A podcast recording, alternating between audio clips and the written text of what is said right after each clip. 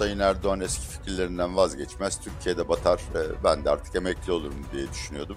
Bize bir 2-3 yıl daha iş çıkardı. Emekliliği geciktiriyoruz yani. 3 milyon insan bir halka arıza katılıyorsa burada belli ki bir toplumsal çılgınlık var. Toplumsal mani yaşıyoruz. Yerel seçimler AKP'nin ve MHP'nin zaferiyle geride kalmadan programın ömrü hakkında yorum yapmak imkansız.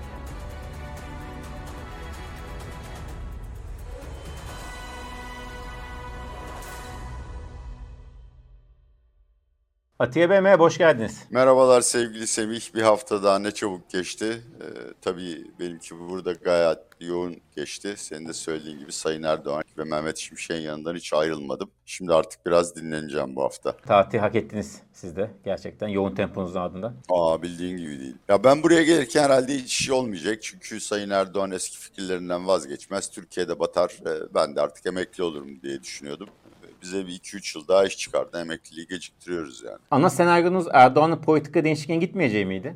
Kesinlikle. Ha kendisi söylüyor ya şimdi birisi açık açık CNN International'da yayına çıkıp asla, katiyetle, katen ve defaten dediği zaman ona inanmak durumundasınız. Yani aksi halde komplo teoriciliği başlar. İşte bunları söyledikten 4 gün sonra da Mehmet Şimşek yorumları çıkmaya başladı. Arkasından da siyasette maalesef umduğum kadar kıymetli veyahut da yön değişikliğini ispat eden adımlar atılmadı. Ama ekonomi politikası her gün pozitif anlamda e, beni ve eminim bütün tarafsız uzmanları şaşırtmaya devam ediyor. E, gerçekten o zaman e, yeni ekonomi yönetiminden memnunsunuz. Geçen not veriyorsunuz bugüne kadarki performanslarında. Ya yani eleştirilerin sonu yok ki. Hani çok basit bir gerçek var. AKP ya da Erdoğan'ın radarındaki kadrolar içinde en iyisi bulundu. Bundan başkası yok. Bence Sayın Mehmet Şimşek de Erdoğan da seçim kazanacaklarına emin değildi. Ondan hazırlık yapılamadı. E, Bir de üçüncüsü hala önümüzde bir seçim var yani. Yerel seçimler. E, o da maalesef ekonomi programına sürekli siyasetin gölgesini düşürüyor. Seçmeni çok rahatsız edecek şeyler yapamazsınız. Yani söylüyorum artık bunu hakikaten bir dövme yaptıracağım. Yani siyaset veyahut da ekonomi politikası yapılabileceklerin sanatıdır. Yapılamayacak şeyleri istemenin ah keşke bunlar da olsa demenin bir anlamı yok. Dolayısıyla benim Mehmet Şimşek'e de Cevdet Yılmaz'a da Gaye Hanım'a da güvenim tam açıkçası. Sizden hükümet için güzel sözler duymaya bayağı uzun bir zaman olmuştu Atiye Bey. Amerika'da çok değişti Bence de Amerika. kulaklarımdan çıktığına inanamıyorum bunlara yani. Atiye Bey, şimdi ekonomi gündemi değerlendirmeye başlayacağız.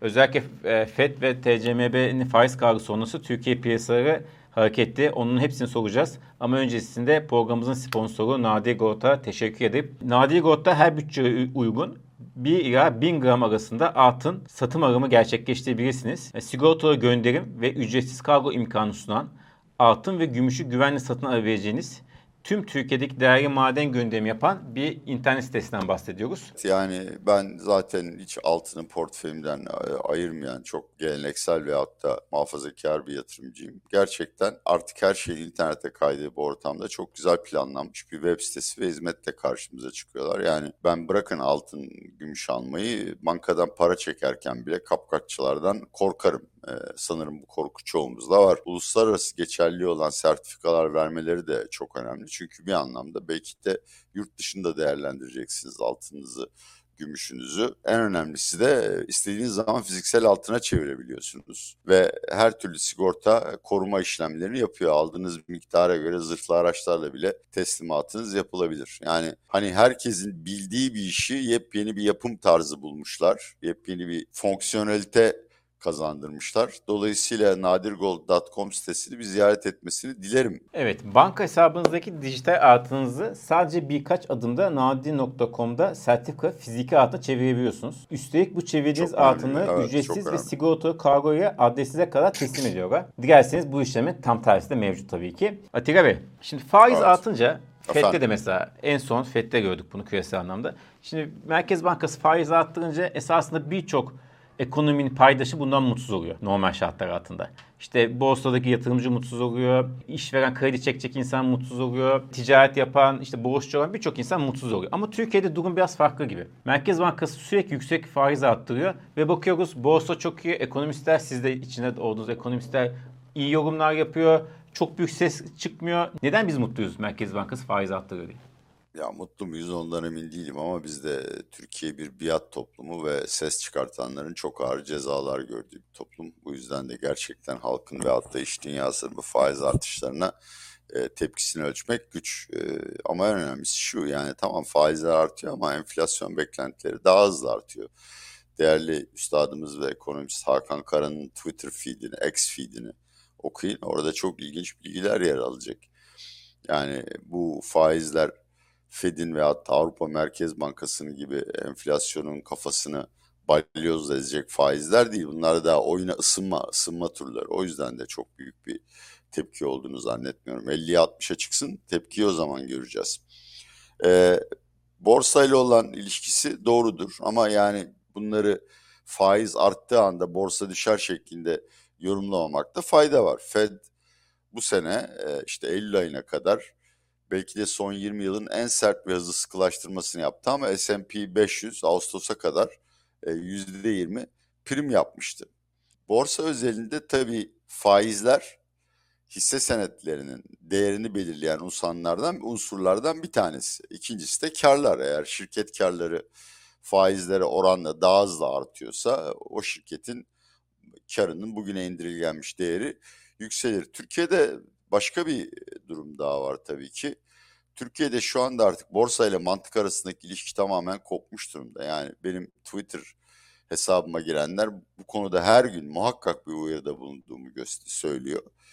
Ya 3 milyon insan bir halka arıza katılıyorsa burada belli ki bir toplumsal çılgınlık var. Toplumsal mani yaşıyoruz. Dolayısıyla borsada yaşananları nasıl bir ekonomik ve hatta finansal modele oturtabiliriz? Ben bundan pek emin değilim açıkçası. Ama şimdi hadi mantık varmış gibi konuşalım. Bunlardan ilki bir süredir ufak da olsa satışta olan yabancılar geri geliyor olabilir. Ee, özellikle Sayın Mehmet Şimşek'in sunumu ve Erdoğan'ın oldukça kapsamlı görüşmeleri sonucunda ikna olanlar Türkiye'ye yavaş yavaş borsaya geri dönüyor olabilirler.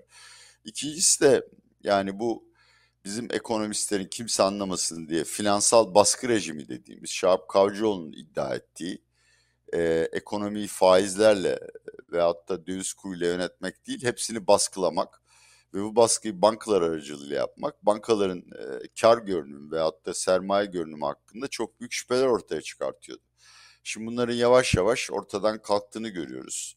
İşte bugün bir kısıtlama daha kaldırıldı. KKM'de banka artık istediği faizi verecek. Yani faizi düşürüp TL mevduata çekmeye çalışacak.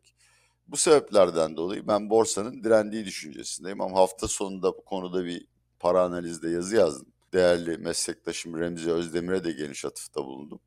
Yani yerli bu piyasayı götüremez. Hani birkaç gün ne oldu ben hiçbir zaman ölçemedim. Tahminde de bulunamadım ama 3 aylık dönemi soruyorsanız yerlinin yavaş yavaş artık borsadan, konuttan, ikinci el araba pazarından çekilip tasarrufa döneceği bir ortamdayız. Sayın Gaye Erkan'ın faiz arttırmalarına devam edeceği öngörüsüyle ki kendisi en azından bu imayı yapıyor.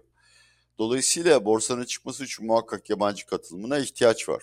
Orada e, birkaç tane değişken var. Bir, yani Sayın Erdoğan'ın bu bence ekonomi programının mütememmim cüzü olan, tamamlayıcı bölümü olan siyasette batıya yaklaşma ve yeni dostlar kazanma stratejisi Orta Doğu dışında hiçbir yere varmıyor. Aksine düşmanlıkları artırıcı söylemler devam ediyor. Dolayısıyla orada çok e, ciddi sıkıntılar var. İkinci bir sıkıntı gelişmekte olan piyasalar ortamı çok kötü. Yani çok ağır darbe yediler. Geçen cuma itibarıyla yılın bütün kazançlarını süpürdüler. İşte ABD tahvil faizleri ve dolar yükseldikçe de gelişmekte olan ülkeler menşeli şirketlerin dolar bazında kar üretmesi gittikçe güç, güçleşiyor.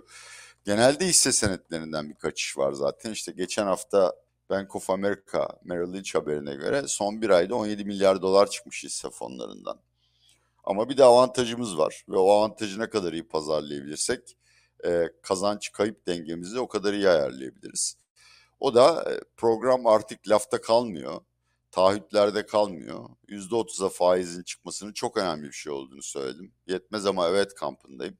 Şu ana kadar yani ya 30 faizsiz dalga mı geçiyorsunuz Sayın Erdoğan hayatında böyle bir şeye müsaade etmez e, diyenler şaşırdılar. Buna ben de dahilim. Kendimi de ayrı koymuyorum.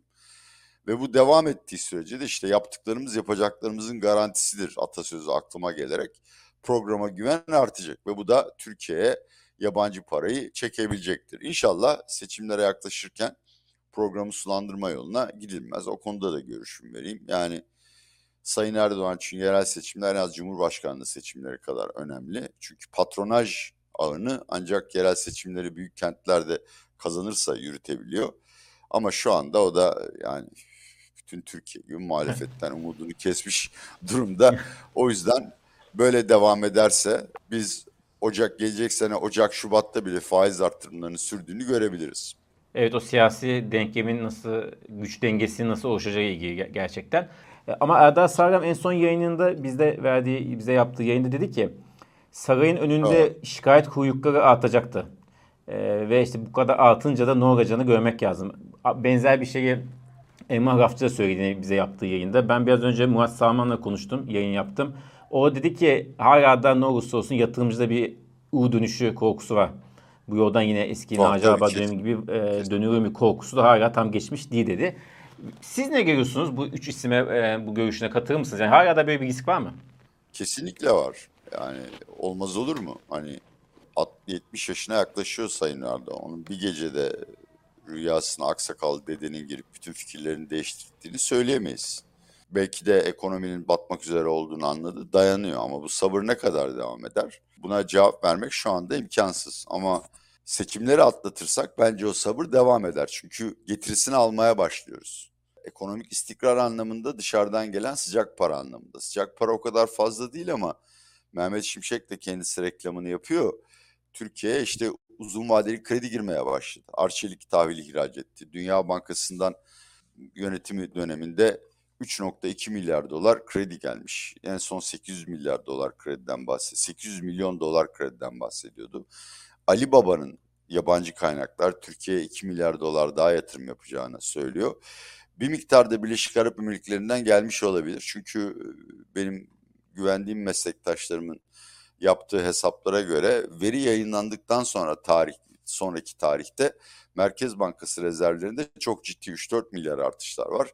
Bunların e, piyasadan olduğunu zannetmiyorum. Dolayısıyla Sayın Erdoğan geri dönüşü alıyor ve niye yolundan vazgeçsin? Onu e, ancak şöyle anlamlandır. Ben halkın şikayet edeceğini de zannetmiyorum. Yani Türkiye'de tüketici kredilerinden şikayet edenlere alma kardeşim derler. Çünkü zaten ahlaki olarak veyahut da toplumsal olarak tüketici kredisi çok itibarlı bir şey değil. İş dünyasının şikayetleri ciddi ve haklı olarak haklılar da. Fiyatını ödeyeyim, kredi bulayım o da yok artık. Kredi bulunmuyor. Her hafta Merkez Bankası grafikleri ve verileri yayınlıyor. Yani kurumsal krediler, kurumsal kredilerin büyüme hızı yüzde yirmi. Enflasyonun 60'larda olduğunu düşünürsek eksi 40 ciddi bir şekilde daralıyor kurumsal krediler. Ve faizler de sürekli yükseliyor. İşte o beni çok endişelendiriyor. Yani hakikaten bu insanlar başka bir anlamda da olsa saray önünde kuyruğa girerler. Mesela Berat Albayrak hakkında gelen bir yakınma iş dünyasını hiç dinlemezdi. Ama bu kadro öyle değil. Ee, Sayın Erdoğan'ın yeni danışmanları da öyle değil. Aksine gerek Cevdet Yılmaz, gerek Gaye Erkan, gerek Mehmet Şimşek sürekli olarak özel sektörden muhataplarıyla ilişki içinde olmaya gayret ediyorlar. Oradan gelen şikayetler artarsa Erdoğan buna dayanabilir mi? Veyahut da kafasında iş dünyasının oyunu ve desteğini kaybetmekle enflasyonu düşürmek ve kur istikrarını sağlamanın getireceği yararlar arasındaki denklemi nasıl kurar bunu bilmek imkansız. Çok uzattım ama özetle söylüyorum. Yerel seçimler AKP'nin ve MHP'nin zaferiyle geride kalmadan bu programın ömrü hakkında yorum yapmak imkansız. E, ben bakın bu arada henüz seçim hakkındaki fikrimi de belirtmedim. Sadece du- durumu teşhis ediyorum. Yani muhalefette umut yok şu anda. Değişebilir. Eğer büyük şehirler CHP'de, İYİP'te veyahut da işte o ittifakın ortaklarında kalırsa programın yine geleceğini çok aydınlık görmem. Çünkü siyasi rekabet devam edecek ve Erdoğan e, ekonomi alanında manevra yaparken bu siyasi rekabetten ve alacağı eleştirilerden ürkerek onlardan kerteriz alarak yoluna devam edecek. Yani mesela buna 2-3 ay önce Mehmet Şimşek'in kafasındaki plan kadar e, büyük bir meblağ giriş olmadı mı henüz? Onu söyleyebilir miyiz? Neden olmadı olmadıysa? E, Valla her şeyden önce ben bu Goldman Sachs'ın düzenlediği toplantıya katılan kimseyi bulamadım. ya da konuşmamak, konuşmamaları rica edilmiş. Yani basında da bu konuda hiçbir şey çıkmadı. İşte Sayın Serhat Ergin e, sabahtan Dilek Güngör Hanım yazdı ama onlar da o toplantıya gitmemişler. Başkalarından aldıkları izlenimleri yansıtıyorlar. Benim temasta olduğum fon yöneticilerinden hiçbir yorum gelmedi. Basında bir yorum çıkmadı. Ben Mehmet Şimşek'in gayet başarılı bir şekilde özellikle Gaye Hanım'ın faiz artırımından sonra programın pazarlamasını yaptığı düşüncesindeyim ama hiçbir kanıtım yok elimde. Yani çok da büyük para girmedi Türkiye'ye. Bunu da söylemek lazım. En azından bu toplantıların e, hedef olarak aldığı kitleden. Ama şunu bir kez daha tekrarlayayım yani tezimi ortaya koyayım. Türkiye artık değişiyor tezinin tek kanıtı ekonomi tarafında değil, siyasette de değişmek zorundayız. Yani tabii işin bir AB'nin istediği iç siyaset boyutu var. İşte yargı bağımsızlığı, siyasi tutuklu olarak addettikleri insanların serbest bırakılması, genelde Kopenhag kriterlerine uyum filan falan. Ama onun dışında da yani bizi bize para yatıranların yüzde doksanı parantez tırnak içinde batılı dediğimiz insanlar. Japonları ve işte Güney Korelileri ve Kuzey Avrupalıları da batılı olarak sayıyorum. Ve gayet doğal bir şey. Bu insanlar yatırım yaparken kendi ülkeleriyle ve hatta kendi bloklarıyla yatırım yapacakları ülke arasındaki ilişkiler konusunda fikir edinmek isterler. O ilişki bozuluyorsa çok kötü şeyler oluyor. Yani herkes Rahip Brunson dönemini unutmuş gözüküyor. Türk bankaları iki ay sendikasyon yenileyemediler. Ee, Amerika'nın yaptırım uygulayacağı, uygulamayacağı belli oluncaya kadar. Bu siyasi başarıyı maalesef elde edemedik. Yani bence Sayın Erdoğan Birleşmiş Milletler'de ve Amerika'da yaptığı söyleşilerde çok büyük fırsatlar kaçırdı. Bir uzmanla görüşme fırsatı buldum. Amerikalı bir uzman bu. Yani bir kadın gazeteciyi ayar, ayar, ayar çekmesi veyahut da azarlaması çok kötü karşılandı. Hatta siyasi çevrelere bile yansıdı bu diyor. O toplan yani o söyleşte ayrıca işte sorular yine Osman Kavala, Selahattin Demirtaş. Yani hadi Selahattin Demirtaş siyasi rakip bırakamıyorsun anladım ama Osman Kavala'nın Erdoğan'a ne zararı var? Yani orada desek ya evet Osman Kavala konusunu değerlendireceğiz. İşte ne bileyim başsavcı bakıyor. Adalet Bakanı'na talimat verdim falan dese bütün dünyanın Türkiye'ye bakışı değişecek. İkincisi yani Yunanistan'la ilişkileri iyileştiriyoruz. AB'nin kapısındayız sürekli. Gümrük Birliği istiyoruz. Ama sanki bu insanlardan gelen sözleri hiç duymuyoruz biz. O sözlerden birisi Kopenhag kriterleri, birisi de Kıbrıs'ta barış. Sayın Erdoğan çıkıyor Birleşmiş Milletler kürsüsünde biz Kıbrıs'ta iki devlet çözümünden başka bir şey kabul etmiyoruz diyor. Ha şimdi bunları söylerken de ahlaklı ve namuslu olmak zorundayım. Evet bence de tek makul çözüm budur. Ama pat diye bunu söylemenin size bir yararı yok. Yani AB ile kapıları şimdiden kapatıyorsunuz. O yüzden ve yani bu Sayın Erdoğan'ın düzenlediği ve hatta işte teşrif ettiği ve hatta işte diğer kuruluşların isim vermeyeyim şimdi kiminle görüştüklerim görüştüğüm belli olabilir. Diğer Türk kuruluşlarının e, yaptığı iş toplantıları, tanıtım toplantılarına katılanlar e, hiç memnun değiller. Yani diyorlar ki hani yani o toplantılar bizim için yapılmıyor. O toplantılar Erdoğan'a güzel gözükmek için ve Erdoğan'a yararlı olduklarını ispat etmek için yapılıyor diyor. Hiç kimse yani Türk'ün Türkiye propagandası e, rahmetli Ufuk'un sözüyle. E, yabancı katılımcısı çok az. E, ve o katılımcılarda yani çok büyük hatalar yapılıyor. Mesela soru soranların gizli gizli ismi alınıyor filan. Yani böyle bir ortamda ben programın siyasi ayağının yerine oturmadığını söylüyorum ve işte en büyük kaygım yerel seçimlerde oluşacak ortamdan dolayı programın sulandırılması. İkincisi de Mehmet Şimşek ne yaparsa yapsın Ankara'nın yabancıları, batılı muhataplarımız, bize para gönderen fonların e, ev, ev sahipliğini yapan ülkelerle olan ilişkilerin yeniden bozulması. Şu anda bozulmadı ama iyiye de gitmiyor. Yani dediğim gibi Erdoğan bu iki büyük hatayı yapmasaydı belki şu anda Türkiye'ye birkaç milyar daha fazla para girmiş olacaktı. E, peki Atiye Bey yani şimdi bu dış politik anlattığınız dış politika kısmı olmadan ekonomimiz düzelemez mi yoksa düzeliyor ama az mı düzeliyor? Yani bir şart mıdır yoksa olsa daha iyi ama olmazsa da canımızın sağlığı mı? Ya şart şart değildir ama bizim de kardeşim yani ekonomi o kadar zor bir durumda ki e, hani sağ kenarından bir seyircinin alkışına dahi muhtacız moral olarak.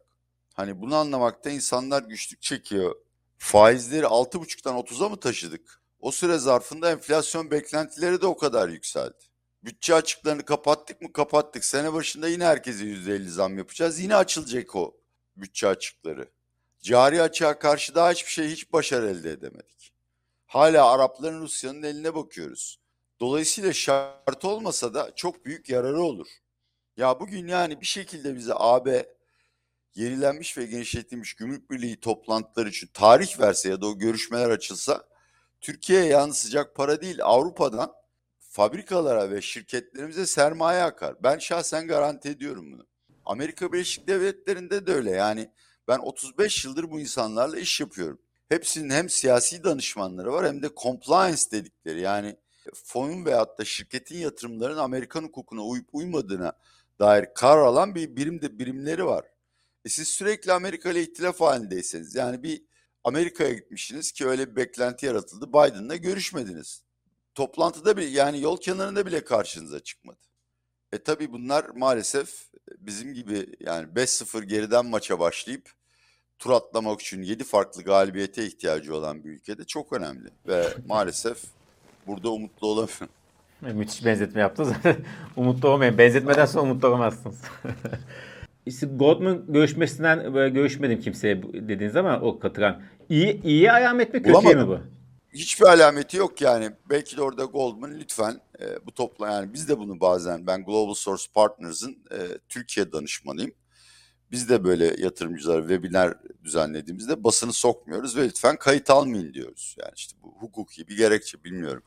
Belki Goldman öyle bir şey söyledi ama yani normalde e, böyle bir toplantıdan sonra benim temas kurmama gerek kalmadan insanlar arayıp ya yaptığımız aptallıkları ya da e, insanları olumlu anlamda ne kadar şaşırttığımızı kendileri ifade ederlerdi. Bu sefer bir tane bile ne e-mail geldi ne telefon geldi bilemiyorum yani. E, hiçbir yorum yapamayacağım bu konuda. Bakalım. Belki geri haftaya kadar o zaman paylaşırsınız Evet. diyelim. Çok teşekkür ederim Bey. Çok sağ olun. Vakit ayırdınız her hafta olduğu gibi. Haftaya kadar kendinize çok iyi bakın.